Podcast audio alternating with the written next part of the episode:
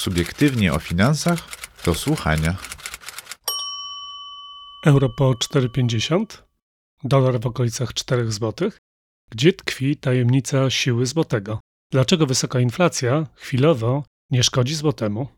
To dobry kurs na wakacje? Czyta Maciej Danielewicz. Złoty przez długie miesiące był słaby, bardzo słaby, ale od kilku miesięcy obserwatorzy rynku walutowego przecierają oczy ze zdumienia, bo nasza waluta nieoczekiwanie znów pokazuje bicepsy. Euro w okolicach 4,50 oraz dolar blisko 4 zł to świetne kursy, biorąc pod uwagę, że inflację mamy wciąż bardzo wysoką. Czy to dobry moment, by kupić waluty obce, gdy wybieramy się na zagraniczne wakacje? Skąd bierze się tajemnicza siła złotego? Jeśli euro kosztuje około 4,50, a dolar zbliża się do 4 zł, to znaczy, że kursy walut, podobnie jak wcześniej ceny ropy naftowej na globalnych rynkach, wracają do poziomów z początku ubiegłego roku, czyli sprzed agresji Rosji na Ukrainę. Rozpoczęcie pełnoskalowej inwazji znacznie pogorszyło postrzeganie naszego kraju, który z dnia na dzień stał się obszarem niemal przyfrontowym, a więc ryzykownym dla inwestorów. Po roku wojny mniej strachu Europa doceniona. Po ponad roku wojny, która się przedłuża i na razie nie zmierza do definitywnego zakończenia, emocje inwestorów opadły. Dobre wrażenie zrobiły oczywiście gwarancje Stanów Zjednoczonych i NATO dla naszego kraju i całego regionu. Po kilkunastu miesiącach nieustannych działań e, wojennych widać też, że Rosja jest militarnie znacznie osłabiona i raczej niezdolna do rozpoczynania kolejnych konfliktów. Po tym pierwszym geopolitycznym spostrzeżeniu warto od razu zaznaczyć, że nie tylko przebieg wojny decyduje e, o notowaniach złotego. Nasza waluta jest uzależniona od relacji kursowych pomiędzy walutami takimi jak dolar i euro, a tu dzieje się ostatnio sporo, głównie w wyniku mm, spodziewanego zakończenia cyklu podwyżek stóp procentowych przez amerykański bank centralny. Dolar, który na jesieni ubiegłego roku miał swoje dni chwały yy, i zrównał się z kursem z euro, co zdarza się rzadko, na naszym poletku, dochodząc do niemal 5 zł, y, po kilku y, miesiącach y, mm, zaczął spadać i no, coraz bardziej oddala się od tak zwanego parytetu, czyli zrównania się z kursem 1 do 1 ze wspólną europejską walutą. Obecnie trzeba zapłacić ponad 1 dolara za euro.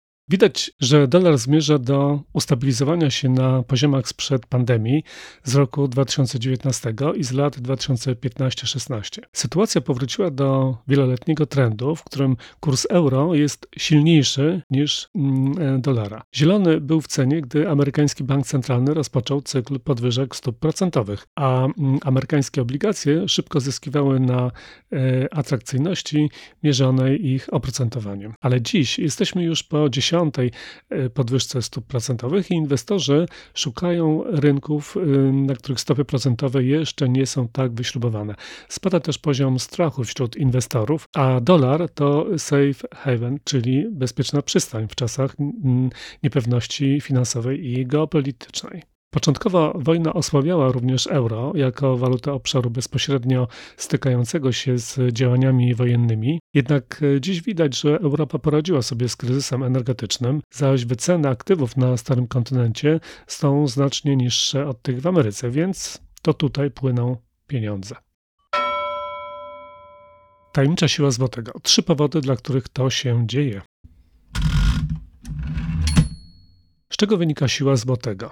Czy nasza waluta umacnia się dlatego, że inwestorzy widzą w niej coś ekstra, czy też dlatego, że sytuacja na światowych rynkach walutowych zrobiła jej prezent? Moim zdaniem są co najmniej trzy powody, dla których złoty się umocnił i nadal może coś wskórać przy wykorzystaniu własnego potencjału i potencjału polskiej gospodarki, bez oglądania się na korzystny lub niekorzystny układ sił na globalnym rynku walutowym. Pierwszy powód to stabilna sytuacja w budżecie państwa, zwłaszcza w kontekście kosztów obsługi długu krajowego i zagranicznego. Rząd co prawda planuje dość duży deficyt y, w kasie państwa, czyli wyda znów więcej pieniędzy niż zbierze z podatków, ale możliwość sfinansowania deficytu budżetowego nie jest zagrożona.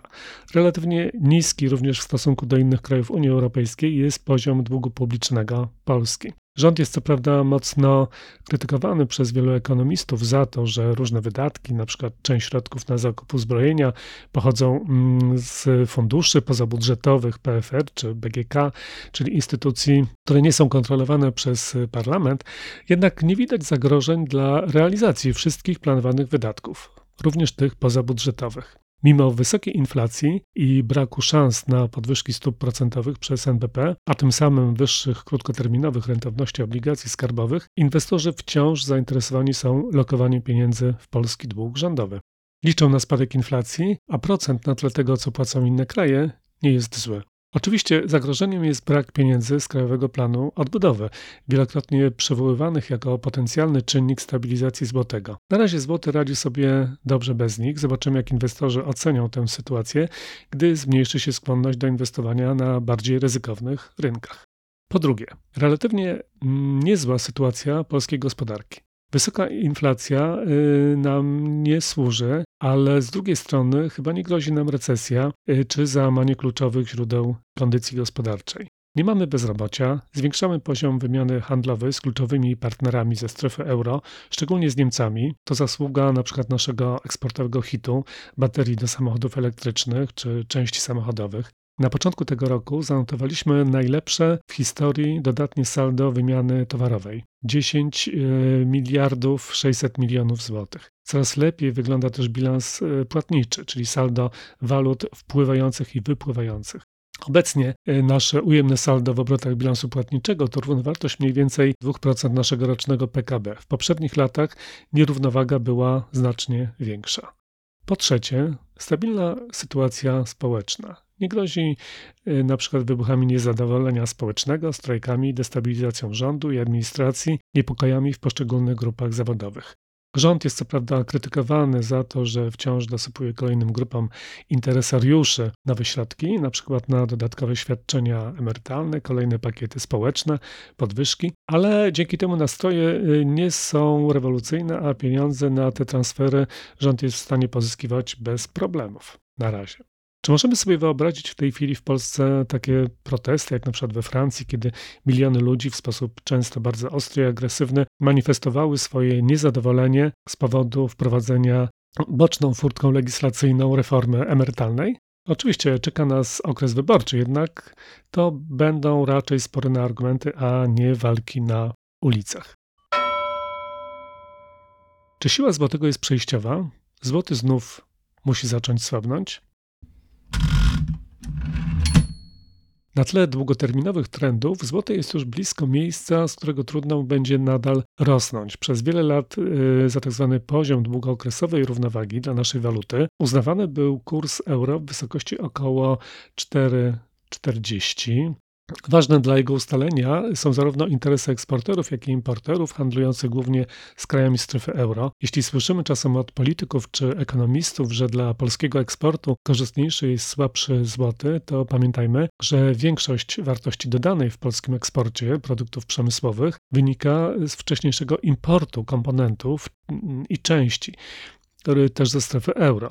Firmy zazwyczaj deklarują, że bardziej niż konkretny poziom kursu interesuje je stabilność tego kursu. Siła złotego lub jego słabość jest mniej ważna niż względna płaskość.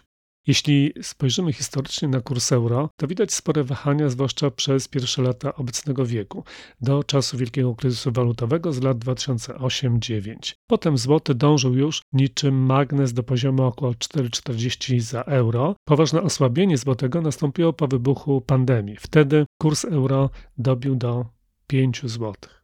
Piotr Wdowiński, ekonomista zajmujący się modelowaniem e, tych zjawisk, zbadał kurs złotego w okresie tych największych wahań z pierwszych lat XXI wieku. Z jego ustaleń wynika, że kurs euro odchylał się znacznie od stanu równowagi e, wyznaczonej przez czynniki fundamentalne e, w okresie 1999-2004. Potem, do czasu kryzysu w 2008 roku, złoty wykazywał już znacznie mniejsze odchylenia od stanu równowagi.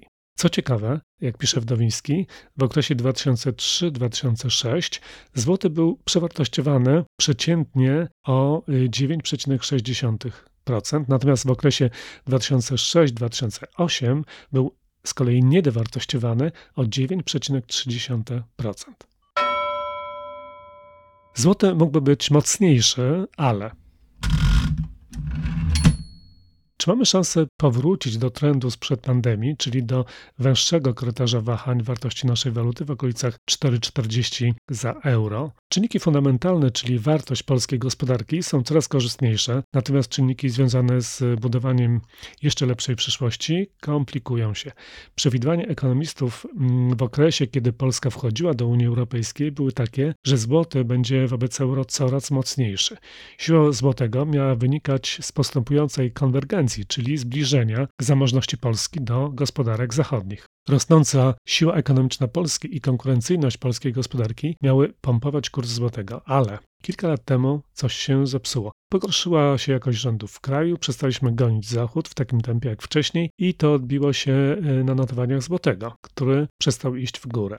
Czy jesteśmy skazani na słabego złotego? Nie ma ważnych powodów, które powodowałyby, że złoty powinien być jeszcze e, znacznie cenniejszy niż jest dziś. Warto więc cieszyć się krótkotrwałym okresem umocnienia naszej waluty. I e, jeśli wybieramy się za granicę, potraktować obecny kurs złotego jako okazję do zakupu po dobrej cenie dolarów i euro na zagraniczne wakacje. Mimo coraz większego zbliżenia naszej gospodarki do najbardziej rozwiniętych gospodarek strefy euro, siła naszej waluty pozostaje podobna do tej sprzed ćwierćwiecza. Tak jakby mało istotny był cały nasz wzrost gospodarczy w tym okresie, wzrost zamożności kraju, siły nabywczej Polaków, wzrost wydajności pracy. To wszystko jest istotne, ale wciąż mamy sporo do nadrobienia, zwłaszcza w zakresie wydajności, produktywności naszej pracy i efektywności całej gospodarki. Tam, gdzie nasza gospodarka wtapia się w międzynarodowe korporacje, osiąga sprawność i efektywność zbliżoną do zachodniej. Jest jednak w większości sumą relatywnie niewielkich firm, a robotyzacja czy automatyzacja, nie mówiąc o najbardziej zaawansowanych badaniach czy najbardziej innowacyjnych sektorach yy, technologicznych, to jeszcze niewielki procent naszej gospodarki. Z jednej strony Polska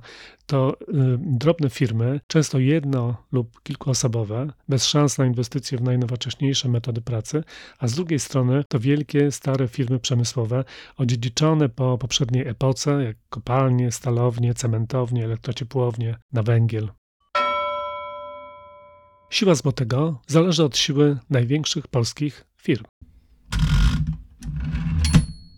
Czekają nas na razie wielkie wydatki na ciągłe zasypywanie różnic y, z zachodnią częścią kontynentu. A ponieważ wciąż brakuje nam kapitału na inwestycje i mamy relatywnie niski poziom własnych oszczędności, musimy korzystać z kapitału zewnętrznego. Duża część naszego postępu z ostatniego ćwierćwiecza, mm, ale i naszej konsumpcji odbywa się za pożyczone z zagranicy pieniądze. Brak nam globalnych firm, które generowałyby duże przychody w walutach obcych i dostarczały naszemu krajowi walut na innych zasadach niż środki unijne czy pożyczki.